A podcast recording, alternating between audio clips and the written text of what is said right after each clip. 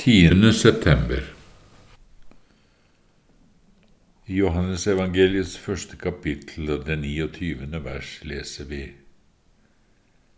Se, Guds lam som bærer bort verdens synd. Rosenius sier Døperen Johannes var den Faderen hadde sendt i forveien for å peke ut Sønnen og forkynne Hans gjerning for verden. Og dette er ordene Johannes roper ut i hellig glede når han får se Jesu, Jesus første gang komme mot seg. Se Guds lam som bærer bort verdens synd. Dette er selve kjernespråket om Kristi egentlige gjerning på jorden. Et budskap som burde få alle klokker til å ringe når det ropes ut til menneskene. Et kjernespråk som synges ut over hodene våre når vi kneler ved alteret for å motta Jesu legeme og blod. Da hører vi tre ganger gjentatt o du Guds lam, som bærer bort verdens synder. La oss da nøye granske dette dype budskapet. Lammet, eller Gudslammet, heter det egentlig i grunnteksten. Når Johannes i denne bestemte form taler om lammet, har det helt klart henvisning til alle de lam som er blitt ofret i den forbilledlige gudstjenesten i Israel. Og bibelsitatet minner oss særlig om påskelammet, som var det mest særmerkte blant alle ofringene. Hvert år ble det ofret et lam i hvert hus rundt om i hele folket. Men når Johannes her ikke bare sier lammet, men Guds lam, som bærer bort verdens synd, må vi tro at han særlig har tenkt på Jesajas 53, for der finner vi ikke bare ordene, men også selve budskapet i disse ordene. Der sies det ikke bare at Kristus skulle være lik et lam som blir ledet bort for å slaktes, slik en sau tier for den som klipper det, slik åpnet han ikke sin munn, men også at han skulle bære verdens synder. Der finner vi de dyrebare ordene Vi for alle vill som får, vi vendte oss til hver sin vei, men Herren kastet alle våre synder på ham. Og videre, Han bærer deres misgjerninger han er såret for våre overtredelser. Han er knust for våre misgjerninger. Straffen ligger på ham for at vi skulle ha fred, og ved hans sår har vi fått legedom. Alt dette legger Johannes i disse korte, men rike ordene idet det han peker på Jesus og sier, Se, Guds lam som bærer bort verdens synd.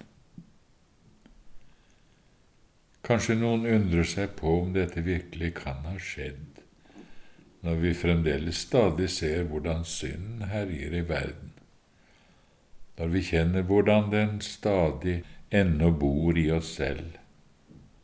Men da skal vi huske at her tales det om noe som tas bort gjennom et offer mens de forbilledlige ofringene bare skildret at skylden og straffen for synd ble tatt bort, eller flyttet fra det skyldige mennesket over på offerdyret som ble ført fram, og som da også ble slaktet. Hos Jesaja ser vi derimot klart profetisk om Guds lam. Herren kastet alle våre synder på ham og videre, Han er såret for våre overtredelser. Straffen ligger på ham. Men verken i disse skriftstedene eller i de forbilledlige offerhandlingene ligger det noen antydning om at syndens smitte skulle bli tatt bort fra det syndige mennesket. Det sies altså bare om straffen, at den ble lagt på ham for at vi skulle ha fred, sier Jesaja. Hebrebrevet sier det samme, at hvis offeret virkelig tar bort syndene, skal vi ikke lenger bære dem på samvittigheten. Som et bevis på at de levittiske ofrene ikke tok bort syndene, sies det her at de som ofret, fremdeles bar på syndene i sin samvittighet.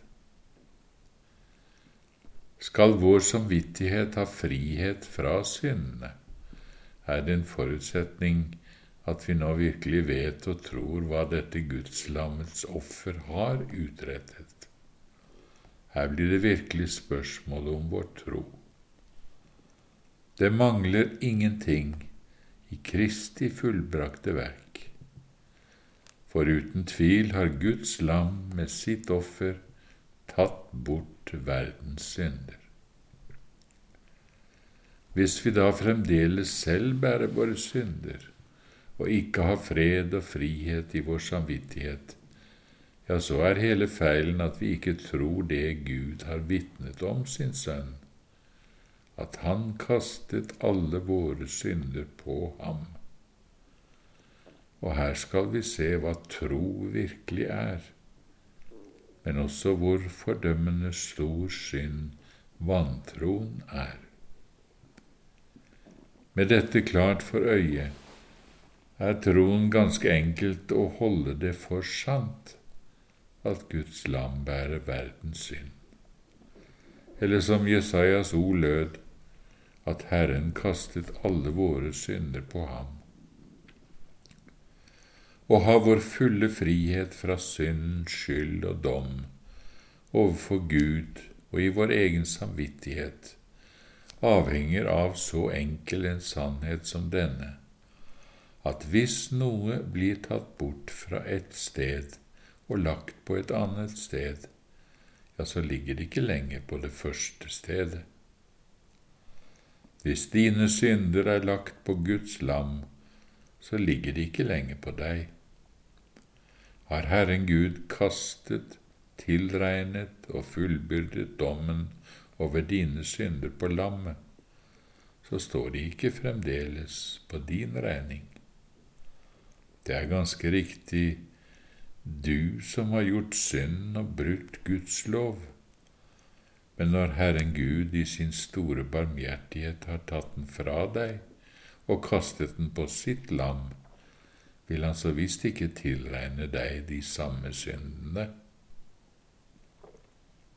Dette har Luther disse trøstens ord om.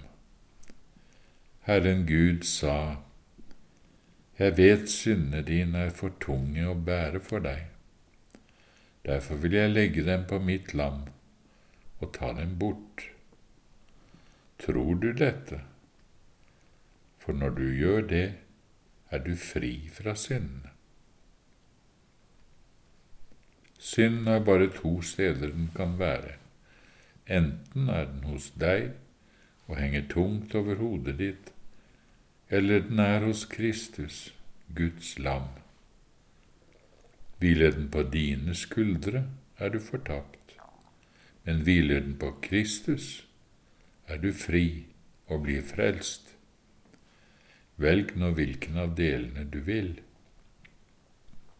Om syndene bare blir liggende på deg, var det etter lov og rett.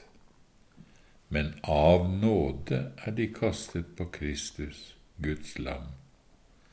Hadde det ikke vært slik, og Gud ville gå i rette med oss, var vi evig fortapt.